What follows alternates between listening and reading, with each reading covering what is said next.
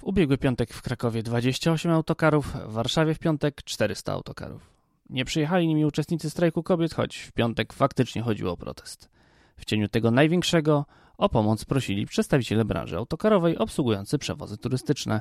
Jaka jest ich sytuacja i jak im można pomóc? O tym w dzisiejszym odcinku. Bartosz Jakubowski, węzeł przysiadkowy. Zaczynamy.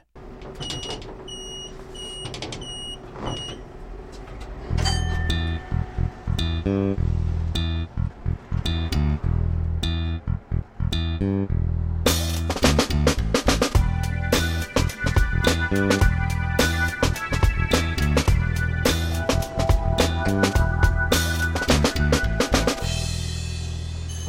poniedziałek, 26 października, przedstawiciele Krakowskiej Izby Turystyki, Polskiego Stowarzyszenia Przewoźników Autokarowych, Stowarzyszenia Ekologicznego Transportu Autokarowego Spektra oraz Inicjatywy Przewoźników Autokary 2020 przedstawili swoje problemy, prosząc zarazem rząd o wsparcie.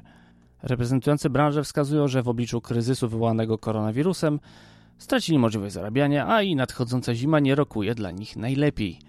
Wskazywali też na utratę zaufania y, wskutek nagminnego zniechęcania do korzystania z transportu zbiorowego, m.in. przez rząd. O tym, że lęk przed zakażeniem w autobusie jest zupełnie nieuzasadniony, słuchacze tego podcastu już doskonale wiedzą. Ale czego oczekują od rządu przewoźnicy turystyczni? Ich sześć postulatów. Pierwszy, dopłaty na wzór czeski, niemiecki, austriacki do autobusów uzależnione od klasy emisji spalin i wielkości pojazdu. 2. Odroczenia na wzór węgierski płatności rat kredytów i leasingów do czerwca 2021 dla firm z sektora szeroko rozumianego przewozu osób. 3. Dodatkowej puli środków PFR do wysokości 24% obrotu na wzór hiszpański z roku referencyjnego dla firm z branży szeroko rozumianego przewozu osób. 4. Umorzenia w całości subwencji PFR dla branży autokarowej. 5. Przedłużenia zwolnienia z ZUS o kolejne 3 miesiące, aby utrzymać miejsca pracy. 6. Dopłaty do wynagrodzeń postojowego na wzór europejski dla firm doświadczających spadku przychodów w wysokości co najmniej 70% przez dowolne 3 kolejne miesiące przed złożeniem wniosku. Czy te postulaty są negocjowalne, czy nie? Co tak naprawdę grozi przewoźnikom i czy obawy, jakie mają, są uzasadnione? I czy istnieje lepszy sposób na wsparcie tej branży i zarazem dający coś więcej niż tylko przetrwanie? O to zapytałem organizatorów ubiegłotygodniowej konferencji prasowej, która, tak jak wspomniałem, odbyła się w poniedziałek 26 października w Krakowie. A moimi gośćmi są dzisiaj pan Rafał Marek z Krakowskiej Izby Turystyki i pan Maciej Socha ze Stowarzyszenia Ekologicznego Transportu Autokarowego Stektra. Dzień dobry panom. Dzień dobry. Witam Państwa. E, chciałbym zapytać przede wszystkim w nawiązaniu do Państwa briefingu prasowego i późniejszego protestu, to bardziej związanego z PSPA, e, który był w Warszawie w ubiegły piątek. Chciałem zapytać, jaka mniej więcej szacunkowo jest skala e, tego przestoju, o którym mówimy, czyli ile mniej więcej autokarów i ilu kierowców, ile ludzi stoi w tym momencie i nie jest w stanie zarabiać? Mhm. To może ja się wypowiem. Ogólnie w Polsce w tej chwili jest 3300 firm autokarowych, które y, posiadają czy zarządzają flotą 22 tysięcy autokarów. Y, średnia wielkość y, takiej firmy to jest około 6 autokarów na flot, na jedną firmę i zatrudnia taka firma około 10 kierowców. Przez to, że są to firmy stosunkowo małe, zazwyczaj są to firmy rodzinne, które są budowane od wielu pokoleń. Y, jeżeli popatrzymy na dane, na historię problemu, który powstał y, w ostatnim czasie, to musimy zauważyć, że praktycznie w styczniu dotarły do nas pierwsze sygnały z rynku chińskiego o tym, że że, że zostały odwołane pierwsze grupy do Europy. Później jakby kolejna eskalacja nastąpiła z końcem lutego. Praktycznie w marcu, w kwietniu był najbardziej, najbardziej widoczny lockdown i praktycznie wszystkie autokary się, można powiedzieć, zatrzymały. I yy, potem powolutku, powolutku przez sezon yy, wakacyjny około 5, 6 do 10% autokarów turystycznych miało jakiekolwiek zlecenia, Natomiast w tej chwili weszliśmy z jednej strony w, w kolejny okres posezonia, jak również e, no, weszliśmy w kolejną falę zachorowań i tym samym jakby powstał naturalny lockdown, także w tej chwili branża odczuwa kolejny bardzo duży kryzys i praktycznie nie ma środków do funkcjonowania, nie ma też zatrudnienia dla kierowców, także tutaj jest naprawdę bardzo duży problem. Ale mówiąc o tych 22 tysiącach autobusów i jak y, wnioskuje około 33 y, tysiące kierowców, rozumiem, że to mówimy tylko o przedsiębiorstwach, które wykonują przewozy turystyczne, nie są to przewozy regularne. Tak, tak, tak, oczywiście są to, znaczy generalnie jest to 3300 firm i, i 22 tysiące autokarów, czyli naprawdę jest to potężna rzesza osób, które utrzymywały się z tego. Oczywiście nie, mo, nie można również e, zapominać o wszystkim całym serwisie, który jest związany wokół tych autokarów, bo to są również mechanicy, to jest również e, potężny ubytek y, w zakresie różnych zleceń, czy też akcyz, które, które na pewno branża transportowo-turystyczna odprowadzała do państwa przez wiele, wiele lat. No i w tej chwili też y, jest jak najbardziej w ogromnej potrzebie praktycznie na wszyscy cała branża. Oczywiście. Tu Państwo proponujecie taki cały zestaw y, postulatów zaciągniętych w części jakby z innych krajów Unii Europejskiej. E, I to tak jakby jest, y, jak ja rozumiem, to są łączne, y, łączne są postulaty, a nie jest to tak, że, y, że robimy tylko jak na Węgrzech, tylko jak w Czechach, czy tylko jak w Niemczech. No może ja odpowiem. E, to jest nasza propozycja do tego, żeby podjąć rozmowy z rządem. My przedstawiamy, jakie rozwiązania zastosowały inne kraje jesteśmy otwarci na rozmowy. E, I mm, tam te postulaty, które zostały wskazane, one poruszają e, jakby wiele płaszczyzn, e, bo tam jest i zwolnienie z ZUS-u, dopłaty do wynagrodzeń, dofinansowanie firm z puli PFR, odroczenia płatności rat, kredytów i leasingów i też dopłaty do autobusów. Idealnym rozwiązaniem byłoby, e, żebyśmy e, wszystkie te postulaty e, spełnili. Natomiast jakby rozumiemy też, że mamy środowisko, jakie mamy, mamy ograniczenia jakie, budżetowe, jakie mamy i no, wszystkie te rzeczy trzeba przeanalizować, dokładnie przeliczyć, jak biorąc pod uwagę skalę, skalę projektu. Natomiast jest to jakby nasz pomysł na to, żeby podjąć rozmowę z rządem. Bo spytam może na odwrót, jakie jest zagrożenie, jeżeli nic nie zostanie zrobione? No w tym miesiącu, ponieważ ja jakby chciałbym zbudować scenografię tego wydarzenia, bo nie wszyscy mają, e, mają wiedzę, jak to wygląda.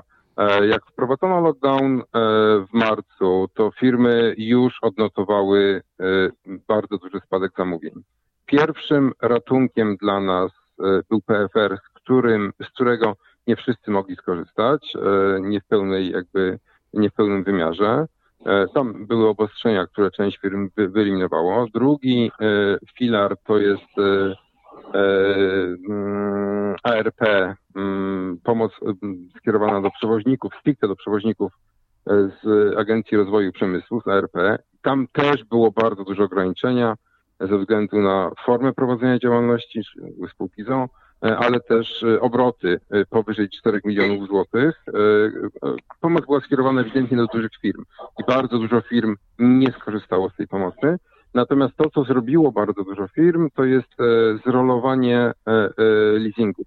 Czyli jakby leasingodawcy wyszli naprzeciw i udostępnili nam możliwość zrolowania na 6 miesięcy rat leasingowych. No, część przewoźników płaciła tylko e, część e, odsetkową, część kapitałowa nie była płacona. I ten okres kończy się teraz. Czyli ta pomoc, e, taka mm, płynnościowa, bo tak trzeba ją nazwać, ona się kończy we wrześniu, kończy się, znaczy skończyła się we wrześniu, październiku. No i w tym momencie przewoźnicy są w sytuacji, w której nie będą w stanie płacić rat leasingowych. No i jakby uruchamia się cała mm, efekt domino, ponieważ e, kolejnym krokiem są wezwania, kary, e, na samym końcu e, odebranie pojazdu, cały proces windykacji, no i de facto koniec działalności, tak? Pytanie natomiast moje jest, jeżeli mogę, moje pytanie jest takie, y, no z drugiej strony na pewno leasingodawcom nie jest to szczególnie opłacalne rozwiązanie, żeby zabierać pojazdy, bo jakby cała branża jest w kryzysie, z tego co rozumiem i jakby oni nie znajdą nabywcy na te autobusy, jeżeli dobrze e, rozumiem sytuację. Ja wytłumaczę jaka jest konstrukcja, bo tak bardzo często ludzie właśnie myślą, że leasing zabiera pojazd i nic z nim nie zrobi. Umowa jest tak skonstruowana, że e, cały ciężar jednak leży po stronie leasingobiorcy. Ja dam taki przykład. Przeciętny autobus kosztuje e, milion złotych e, netto. Taki 12-metrowy, najbardziej klasyczny autobus, on kosztuje milion złotych netto. I jeżeli my kupujemy taki autobus, bardzo często firmy korzystają z dźwigni finansowej, z lewara, czyli wpłacają część wartości tego pojazdu, na, na przykład 100 tysięcy złotych, a cała reszta jest rozłożona na okres e, umowy leasingowej, powiedzmy 5 lat.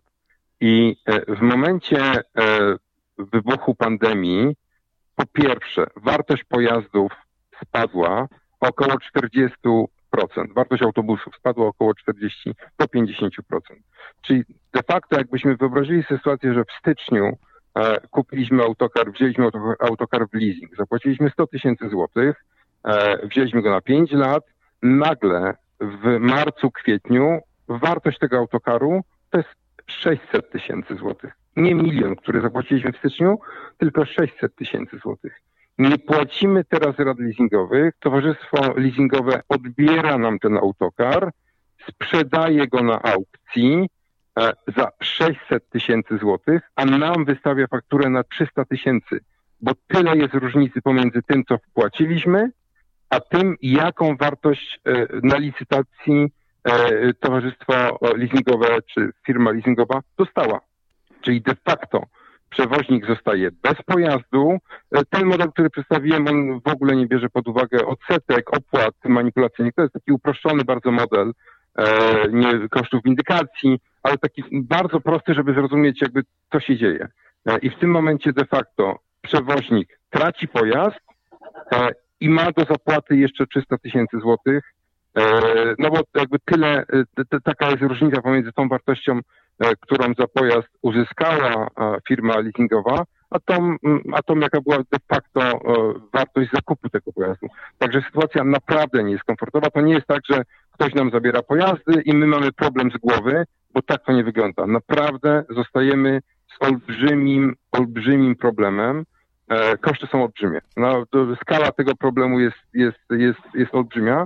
E, dramaturgii e, temu wydarzeniu dodaje fakt, że w kwietniu przyszłego roku, w kwietniu, maju, ten pojazd znowu będzie potrzebny. On znowu będzie wchodził w ten cykl eksploatacyjny, wierzymy, że pandemia zostanie opanowana i, e, i ten rynek wróci. Nie w takim wymiarze, jak, jak wyglądało to w 2019 roku, ale jednak zapotrzebowania na nasze usługi wrócą. I ten przewoźnik, który jeżeli dotrzymałby do tego maja, umówmy się, e, mógłby znowu, e, znowu wejść w cykl produkcyjny, zarabiać, płacić podatki, on utraci tą zdolność teraz na przełomie roku i zostanie z olbrzymimi długami. Także towarzystwa e, leasingowe czy firmy leasingowe dbają o swój interes, e, one e, jakby pilnują, nie mogą dalej finansować, pilnują swojego interesu, no i ta wartość pojazdu dla nich nie jest krytyczna, ponieważ dalej zostaje zobowiązanie, którego te, te, te firmy będą dochodzić na drodze, na drodze cywilnej, cywilno-sądowej. Natomiast musimy jeszcze pamiętać do tego, że turystyka ma charakter sezonowy i w znacznej części aktualnie yy, wchodzimy w tej chwili w sezon, po, tak jak powiedziałem, w posezon, czyli tych zleceń de facto nie ma. Natomiast y, zazwyczaj te raty zimowe były płacone ze środków, które nagromadziły się z zysku czy z, z no, osiągniętych sukcesów, że tak powiem, finansowych przez okres letni, wtedy kiedy te autobusy były najbardziej eksploatowane.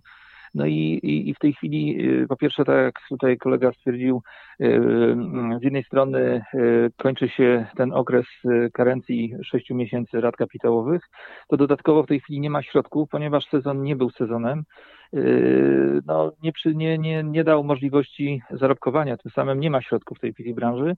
I tutaj chodzi o to, żeby przede wszystkim rząd polski umożliwił w pewnym sensie zagwarantował czy wsparł y, działania przewoźników, mm, tak żeby, mm, tak jak tutaj też kolega wcześniej powiedział, y, nowy sezon wejść y, przynajmniej z taką samą flotą transportową, która jest i mm, dał możliwości oczywiście dalej kontynuowania dalszej realizacji spłat, jak również oczywiście funkcjonowania e, firm przewozowych. Rozumiem. Chciałem jeszcze zapytać o rozwiązania e, trochę takie pozasystemowe, ponieważ zauważyłem, że część przewoźników, którzy do tej pory świadczyli usługi raczej tylko turystyczne, zaczęła również e, realizować teraz e, przewozy pracownicze, tak? Reklamując to jako bezpieczną alternatywę, gdzie po prostu pracownicy mają kontakt i tak tylko ze sobą. Czy Panów zdaniem to jest jakieś rozwiązanie tymczasowe dla przewoźników turystycznych, żeby na jakiś czas spróbować wejść w przewozy na przykład pracownicze?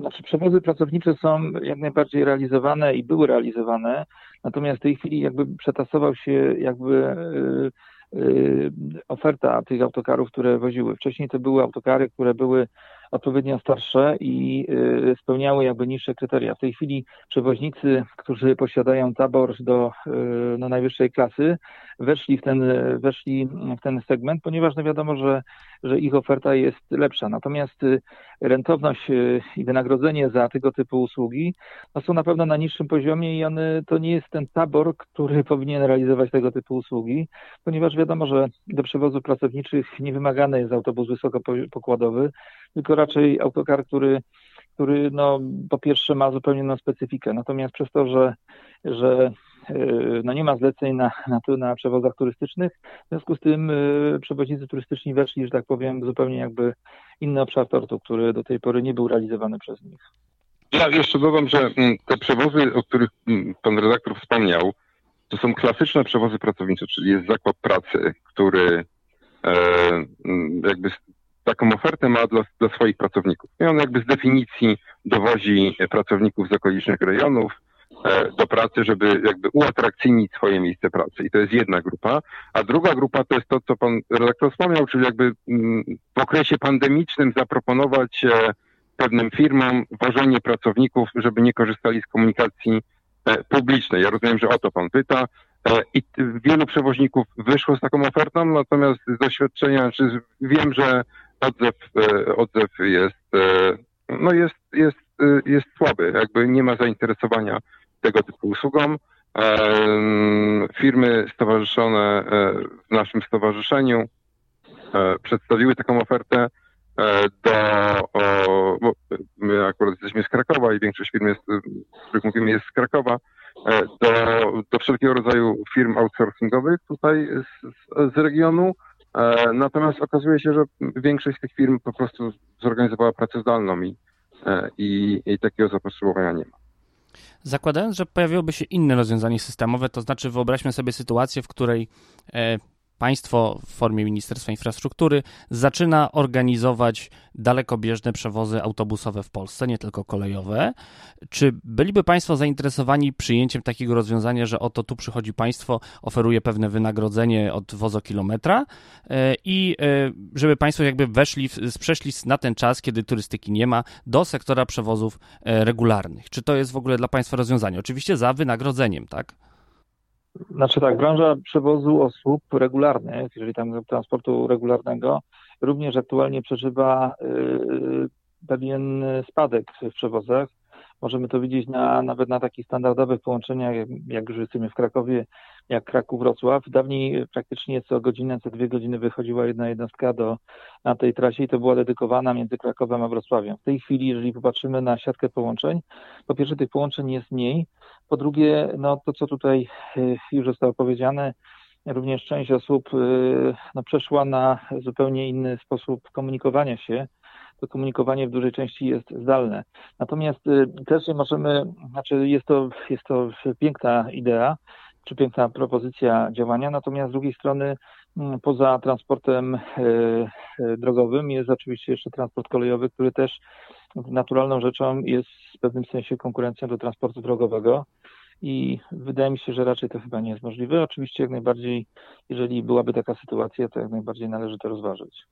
Bardzo jeszcze jest kwestia mm, jakby rozwiązania tej sytuacji, którą mamy obecnie, bo, bo jakby jedna część, jedna strona medalu to jest to, że nie ma tej pracy, ale druga strona medalu to jest to, że mamy olbrzymie zasoby sprzętu, który jest w tym momencie nikomu do niczego niepotrzebny, który niszczy je, traci na wartości. I e, ja mm, jestem trochę rozczarowany, że, mm, że rząd nie podejmuje żadnej próby rozwiązania tej sytuacji. Tak? Mamy mamy sytuację, w której e, mamy wewnętrzne możliwości absorpcji tego sprzętu. E, znaczy, jeżeli ktoś by usiadł, pomyślał, jakie są zapotrzebowania e, w instytucjach podległych państwu, e, mam na myśli szeroko rozumiane instytucje podległe państwu, łącznie z PKS-ami, tak, które mogłyby e, odnowić sobie flotę, która jest wyeksploatowana, stara, no, jakby można usiąść do rozmowy i poszukać rozwiązania w obrębie tych zasobów, które mamy i tych instrumentów, które mamy, która po, po pierwsze, no, wie pan, ja rozmawiam z przewoźnikami i oni bardzo bardzo często mówią, że jakby ktoś zaproponował im uczciwą cenę za autokary, to oni z chęcią zredukowaliby wielkość firm, tak? Wychodząc z tego problemu obronną ręką. E, trzeba by spojrzeć tak koncepcyjnie, trochę jakby szerzej, szerszym e, horyzontem na to, co się dzieje, jakie są możliwości i znaleźć, poszukać rozwiązań, niekoniecznie pieniężnych, bo takie też są, które pozwoliłyby wyjść z tej bardzo trudnej trudnej sytuacji. E, nie ma takich e, chęci. Ja nie zauważyłem do tej pory takiego kierunku w rozmowach. No, ubolewam strasznie. Panie Macieju, ale jakby założyć, że dziś jako przedsiębiorca zajmujący się przewozami e, autokarowymi dostaje pan ofertę na przykład od jakiegoś przewoźnika lub od e, wprost od państwa, tak? Że dostanie pan taką stawkę, żeby nie był pan stratny, nazwijmy to, niekoniecznie mówimy o zysku, ale powiedzmy, powiedzmy na tym, żeby nie był pan stratny, tak? Żeby ten kierowca mógł tak. zarabiać, żeby autobus nie stał, że miał pan z czego spłacić leasing tak. i wszystkie koszty, że dzisiaj będzie pan jeździł po prostu na zlecenie na przewozach regularnych. Czy to dla pana jest oferta? 99% przewoźników weźmie taką ofertę z pozwoleniem ręki w tym momencie. Czyli gdyby to rozważyć jest, fakt... Tak, to jest, to jest bardzo atrakcyjne rozwiązanie, tak, tak. Czyli gdyby stwierdzić, że dzisiaj na przykład państwo chce stworzyć siatkę połączeń tam, gdzie kolei nie ma, dalekobieżnych, tam, gdzie tak. kolej nie istnieje, to państwo jesteście w stanie w to wejść po prostu. Tak, oczywiście, naturalnie. Naturalnie. I to e, i, i zresztą tak w ogóle jest stworzony. Ja teraz e, wspomnę tylko, jest jakby model Flix, e, który jest właśnie w ten sposób stworzony. Flix jest operatorem tylko i wyłącznie połączeń. On bada popyt na danych kierunkach, tworzy całą mm, jakby bazę marketingową, ma produkt w postaci przewozu, natomiast on nie ma żadnych swoich pojazdów. Wszystkie pojazdy należą do przewoźników. I tak jest skonstruowana umowa, że przewoźnicy wykonują, wykonują te przewozy pod logiem Flixa. E, czyli jakby ten model jest już znany w, w, w biznesie e, i teraz państwo mogłoby stworzyć taki model, siatkę połączeń, poszukać, gdzie jest zapotrzebowanie, gdzie pojawiają się, e, pojawiają się problemy wykluczenia transportowego i na bazie prywatnych przewoźników, którzy, jak pokazuje doświadczenie, są tańsi niż, niż firmy państwowe, trochę sprawniej działają, chociażby z racji tego, że są mniejsi, mogą lepiej, e, lepiej zarządzać strukturą kosztów e, i optymalizacją. E, I wtedy państwo mogłoby stworzyć model, w którym wykorzystuje małe firmy, które wykonują cząstkę większego planu, większej siatki. Tak, tak, takie rozwiązanie jest bardzo atrakcyjne i ja osobiście bym był zainteresowany, ale jestem pewien, że większość przewoźników też. To życzę panu i innym przewodnikom, żeby taki model przebił się do głów e, polityków, żeby udało się e, zagospodarować państwa potencjał i zwalczyć wykluczenie transportowe. Bardzo panom dziękuję. Pan Rafał Marek, Krakowska Izba Turystyki i pan Maciej Socha, Stowarzyszenie Ekologicznego Transportu Autokarowego Spektra. Bardzo panom dziękuję. Dziękuję bardzo. Do widzenia, dziękuję. Dajcie znać, co sądzicie na temat propozycji wsparcia sektora przewozów autobusowych poprzez organizację międzywojewódzkich linii autobusowych użyteczności publicznej. Zapraszam do komentowania na Facebooku, Twitterze, LinkedIn i na Instagramie. Zanim powiem, że to wszystko, to podziękuję przesiadkowiczom, którzy mają wykupione bilety dobowe i miesięczne, a są to Piero, Paweł Zegartowski, Paweł Szczur, Tomasz Tarasiuk, Monika Stankiewicz, Paweł Łapiński, Andrzej Kaźmierowski, Peter Jancowicz, Janka, Jerzy Mackiewicz, Jakub Kucharczuk, Michał Cichosz, Łukasz Filipczak, Filip Lachert, Jacek Szczepaniak, Jurek Gozdek, Kuba Czajkowski, Szymon Woźniak, Piotr Rachwalski i Borys. Jeżeli chcecie do nich dołączyć, serdecznie zapraszam Was na patronite.pl przesiadkowy, gdzie możecie wybrać swój bilet i dołączyć do grona osób wspierających podcast. A na dziś to wszystko. Do usłyszenia.